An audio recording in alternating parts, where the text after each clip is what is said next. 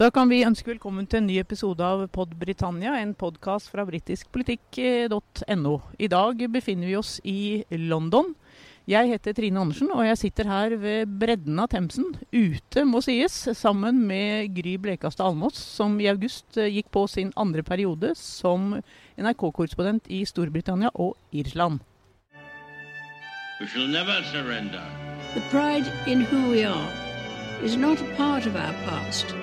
It defines our present and our future. The people of Scotland have spoken. England, Scotland, Wales, Northern Ireland together, taking us forward, unleashing the potential of the whole country.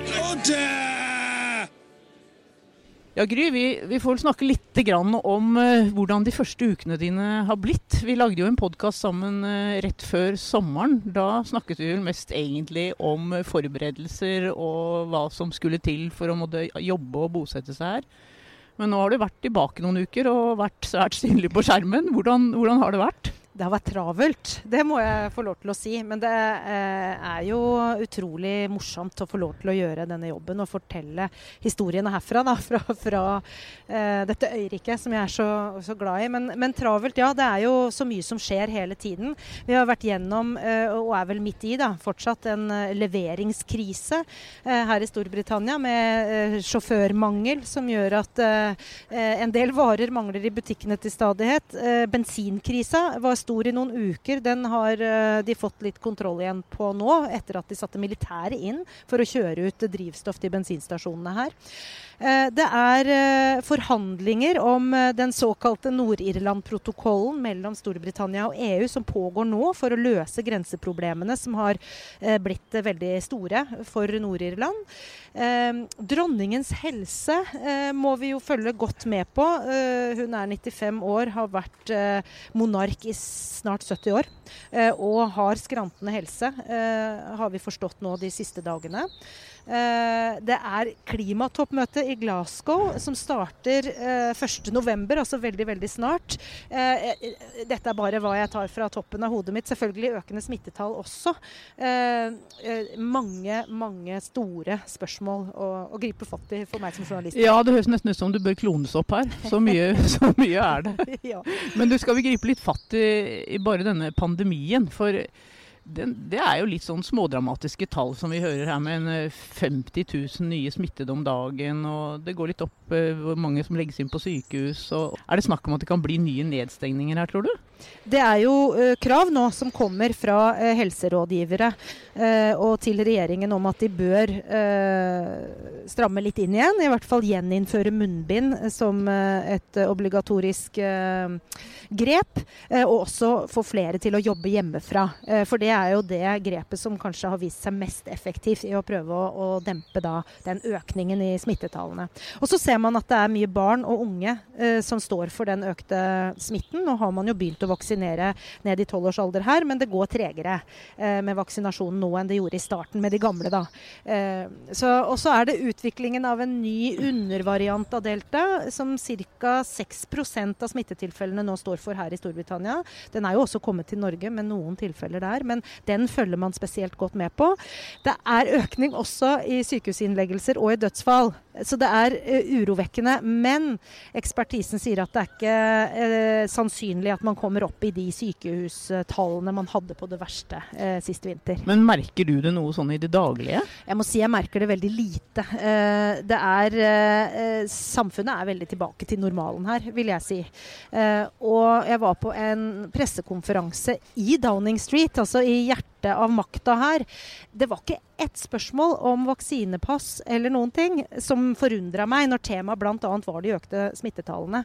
Det var ikke noe kontroll på det i det hele tatt. Vi ble fratatt telefoner og sånn. Så, så, det var liksom sikkerhets... Uh, ja, og, og sånn har det jo vært i mange år. Sånn har det alltid ja. vært. Men uh, det var ikke munnbind. Uh, det var frivillig, selvfølgelig, så noen brukte munnbind, men det var ikke noe must. Og, og, det var ikke et spørsmål engang om vi var vaksinert. Og det, det syns jeg er rart. så jeg merker det ikke veldig. Men jeg vet jo at enkelte steder er opptatt av det. Når jeg er på bedriftsbesøk, så er de veldig opptatt av det. Ok, Så da må munnbindet på? Munnbind og, og registrering osv. Ja. Generelt i samfunnet her så ser du ganske få med munnbind. På T-banen i London eller på offentlig transport i det hele tatt så er det påbudt. Men det betyr ikke at folk bruker det likevel. Kanskje 50-50? Eh, bare sånn på øyemål. Eh, og ute i, i butikker og i, eh, når du går liksom inn på steder i det offentlige, det er de færreste. Men det er noen. Mm, mm. Men du, eh, tilbake igjen til, eh, til det du har gjort mens du har eh, vært her i de ukene du har vært her. Det er ikke mange uker, men du har jo vært i Belfast, har vi sett. Du har vært i, i Newcastle, eller nord for Newcastle, Blythe, er det det det heter? Og, og i Newcastle ja, også. og i på Newcastle. fotballtur. ja, på fotballtur. Ja, Blythe, ja. Der og er- Lake District var det. Så Var det et veldig bevisst valg fra din side når du kom hit, at du vil komme deg ut av London? Absolutt. Jeg syns det er veldig viktig når man dekker eh, hele Storbritannia, og også Irland, eh, må nevnes. Selv om jeg ikke har vært i republikken Irland ennå eh, i denne runden. Eh, så er det viktig å komme seg ut av London. Fordi London, eh, ja det er maktas hjerte, men det er et veldig annerledes sted enn resten av England da, eh, og resten av Storbritannia. Så det er viktig å speile hele landet. Så, det har vært et viktig mål for meg, å komme meg ut av byen. Og her kommer roerne forbi Ja. Eh, med denne såkalte koksen da, som roper ut instrukser til eh, de som, eh, de som ror. Men du, da du var i Belfast, altså den forrige podden vår forrige fredag, den handlet om situasjonen i Nord-Irland. Jeg er litt spent på, Du snakka jo litt med folk da du var i Belfast. Fikk du noe inntrykk av at de var, var opptatt av dette med at det kanskje kan gå mot en, et forent Irland etter hvert? Snakka folk om det? Ja, og ja, det gjorde de absolutt. For det første så var de opptatt av at uh, brexit for dem ikke har vært noe fordel. De ser jo at uh, prisene har økt mye, og det er mange varer de er vant til å få fra uh, resten av Storbritannia som de ikke får nå pga. disse grenseproblemene som man nå forhandler om og diskuterer. Uh, så de har på en måte merka en negativ effekt av det. Og så er det klart at Nord-Irland er jo fortsatt en del av det indre markedet for varer. Eh, av EUs indre marked for varer. Eh, og er dermed eh, sterkere knytta egentlig til Irland og sør eh, enn eh, til eh, England og, og Skottland osv. Eh, og det har jo gjort at mange tenker på det som en mulighet igjen. Da, så at man kan forenes med Irland. At nord og sør blir ett. Og når jeg spurte folk om det, så er det delte meninger om det. Det er det ikke noe tvil om. Selvfølgelig. De som er eh, for unionen med eh, resten av Storbritannia, eh, er jo fortsatt for det og ønsker ikke å forenes med Irland. Men det er stadig flere. og Blant de yngre så er det en uh, tanke.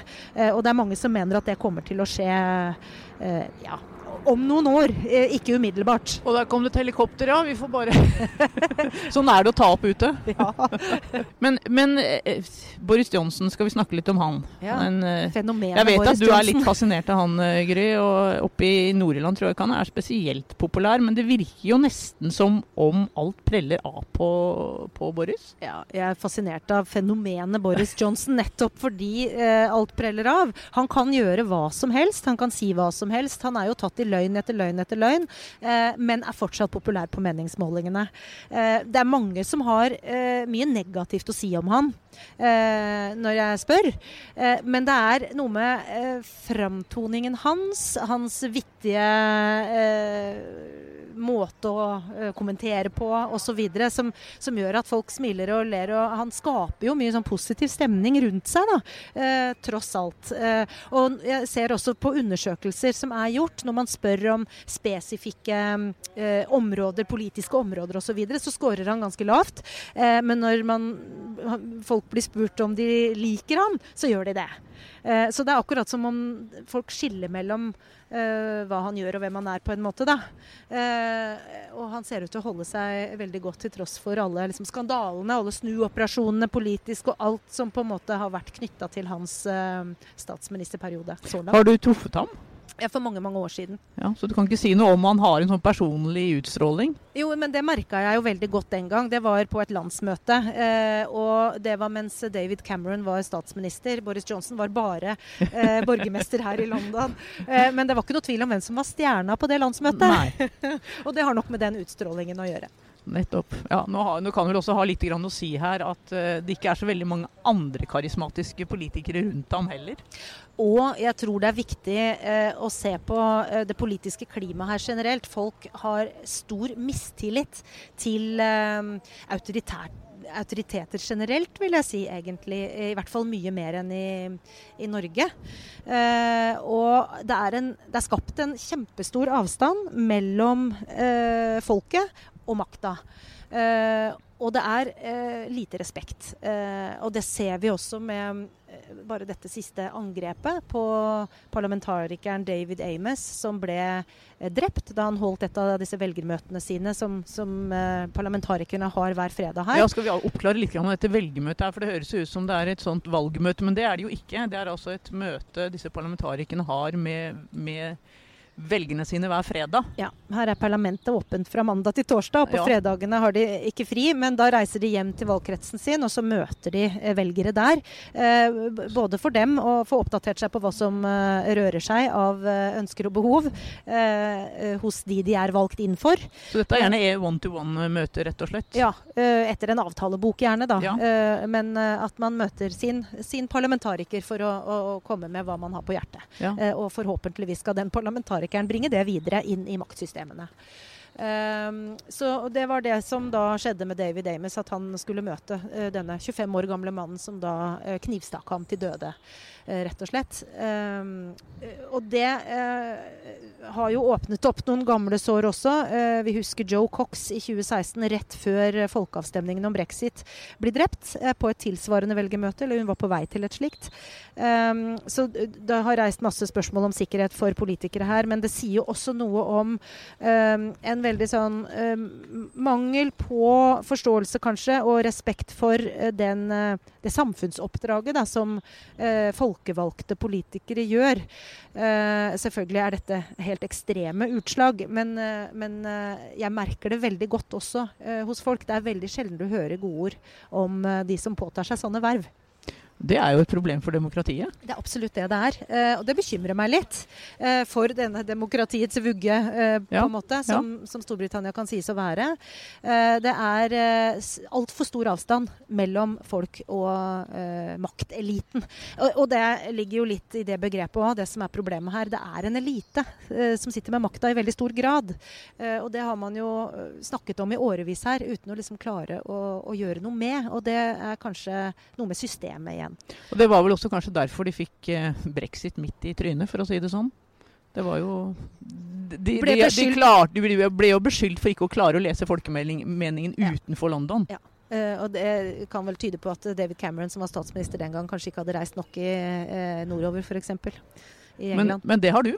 det har jeg. Ja, ja. og nå skal du snart på tur igjen. Vi tar opp uh, dette lørdag den 23. oktober, og om en eh, drøy uke så åpner eh, FNs eh, klimatoppmøte i Glasgow, og, og dit skal du. Og, og det er vel noe som kommer til å dominere mye av det du kommer til å rapportere om nå framover, vil jeg tro. Det er kjempesvært. Eh, det er utrolig viktig å få verden eh, til å begrense eh, utslippene og til å opprettholde dette målet om eh, 1,5 grad oppvarming, og ikke mer enn det. Og det er kjempevanskelig, selvfølgelig. Da skal du få hele verden til å bli enige. Og det er jo absolutt ingen enkel sak. Og selvfølgelig vanskeligst ofte for de som har eh, lite penger, og, og kanskje er de som blir ramma mest også av klimaendringene. Så her har vertskapet, eh, det britiske vertskapet, Boris Johnson i spissen, en kjempeoppgave, rett og slett. Har det vært mye skriverier om dette i britisk presse nå på forhånd? Ja. Eh, Det er det mye av. Og ikke minst fordi dette her eh, sammenfaller nå med en energikrise eh, her i landet, hvor man er veldig avhengig av gass. Og vi vet jo at gassprisene internasjonalt nå er skyhøye. Og det går rett inn i folks lommebøker her. Og vi vet også at dette er et land med veldig store forskjeller, og mange som sliter i utgangspunktet. Og når de da får økte utgifter på alle områder pga. høy inflasjon, og selvfølgelig på strøm og gass da spesielt, så eh, er det jo mye snakk om hvordan man skal omstille um, eh, oppvarming av hus og i det hele tatt eh, strømtilførselen i dette landet som er så gassbasert. Og Der har jo Boris Johnson gått ut og lovet at man skal ha helt grønn energiforsyning innen 2035.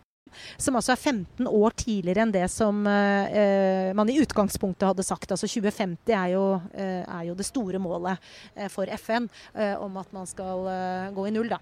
Det høres jo nesten mer ut som en lovnad enn en realitet. Det er jo spørsmålet, ikke sant. Det det, det, er fint å komme med store Ja. ord, men man skal, man skal vise handling også. Så, men det gjøres jo veldig mye på fornybar energi her.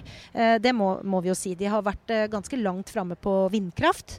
Eh, og så er det litt synd at det ikke har blåst så mye, og da er man jo veldig sårbar når man har basert seg på vindkraft. Samtidig så var jo du oppe i Lake District nå hvor de faktisk vurderer å åpne en kullgruve. Det, det, det er ikke så grønt. Det er en sak som har fått stor oppmerksomhet, og ikke bare i Storbritannia, men internasjonalt. eh, Fordi det eh, vitner jo ikke om at man oppfølger ord med handling, hvis den, eh, de planene godtas. Eh, Men de er ikke godtatt ennå. Det er blitt lagt på is, eh, og godkjennelsen kommer ikke før eh, Hvis det blir godkjennelse, altså avgjørelsen kommer ikke før etter dette klimatoppmøtet. Nei, han kan vel ikke akkurat komme med den midt under klimatoppmøtet. Nei, det gjør seg ikke. Så vi får se hva det blir, da. Men hvor viktig er et sånt klimatoppmøte som dette for Boris Johnson, da? Tror du? Eh, Det, og alt preller jo av Boris Johnson, er vi Ja, tenkte på, på er verdensarenaen. Han, blir jo, klart han står jo midt i verdenspressens eh, øyne her altså i fokus nå. Jeg, eh, dette ønsker han skal bli en suksess. Hvis Ja. de går ut av disse to ukene eh, og med verdens toppledere på plass uten eh, noe resultat, eh, så er det klart det er et nederlag eh, politisk for Boris Johnson på den internasjonale scene.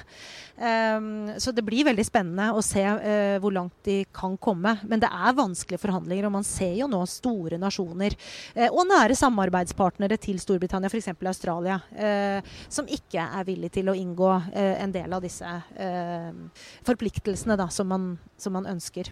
Foreløpig. Så får vi se hva forhandlingene underveis eh, leder til. Ja, du sier veldig vanskelig, men det må jo være vanskelig for deg som journalist også å dekke et så stort arrangement som dette. Hvordan forbereder du deg egentlig til det? Ja, og Det som er fint, er jo at vi har en klimaredaksjon i eh, NRK, så dette skal ikke jeg gjøre alene. Nei, så vi har eksperter på klimaspørsmål. Jeg skal ta meg av det som eh, gjelder holdt på å si, vertskapet og eh, den britiske eh, på en måte delen av det. da.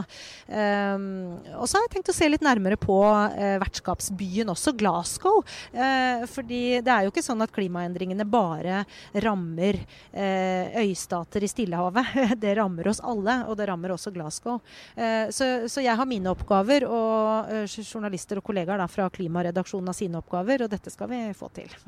ja, det tviler jeg ikke på. Men du kan ikke du eh, fortelle litt til slutt, eh, Gry, hvordan en vanlig sånn Nå er det vel ingenting som heter en vanlig arbeidsdag for en korrespondent, men, men hvordan, hvordan starter dagen, og hvor tidlig starter dagen? Ja, den starter øh, øh, ja, med et morgenmøte som for meg da er klokka åtte, som hjemme i Norge er klokka ni, med kollegene hjemme i Norge utenriksredaksjonen. Eh, og da har jeg gjerne lest meg opp litt på nyhetsbildet først, da. Um, og så eh, er dagene som du er inne på, veldig ulike. Enten så sitter jeg på kontoret mitt hele dagen og til langt på kveld, eh, hvor jeg driver med enten research eller har møter, telefonsamtaler. Jeg redigerer kanskje radio, jeg skriver kanskje en nettsak, eller jeg redigerer en TV-sak. Det, det kan være så mangt. Eller eh, jeg farter ut for å innhente stoff, eh, enten på reiser langt av gårde eller, eller rundt omkring i, i London, eh, hvor jeg intervjuer folk eller eh, eh, ja, gjør den håper si, aktive siden av journalistikken der, da. Så vanlige sånn arbeidsmiljøregler og sånn, det gjelder ikke. Nei, det Jeg skal kanskje ikke snakke så høyt om det. Vi prøver å balansere utover tid, er det ikke Ja, det det ja, heter? Så er nå har jeg veldig mye fri til gode, tror jeg. Men det, hva, hva, hva har du tenkt, hva, hva hadde vært drømmeintervjuobjektet ditt hvis du fikk lov å liksom velge helt fritt her i Storbritannia? Det er dronning Elisabeth, tror jeg, akkurat nå. Eh, Det tror jeg du kan glemme. altså. Jeg vet det. Men du spør om drømmer. Um, eh, det er det. Altså, det fins jo ingen andre som har sittet på toppen av makta i 70 år, eh, og som kan fortelle om eh, altså, he, dette, hele verdens egentlig omstilling. Uh, og den har vært stor i løpet av de årene.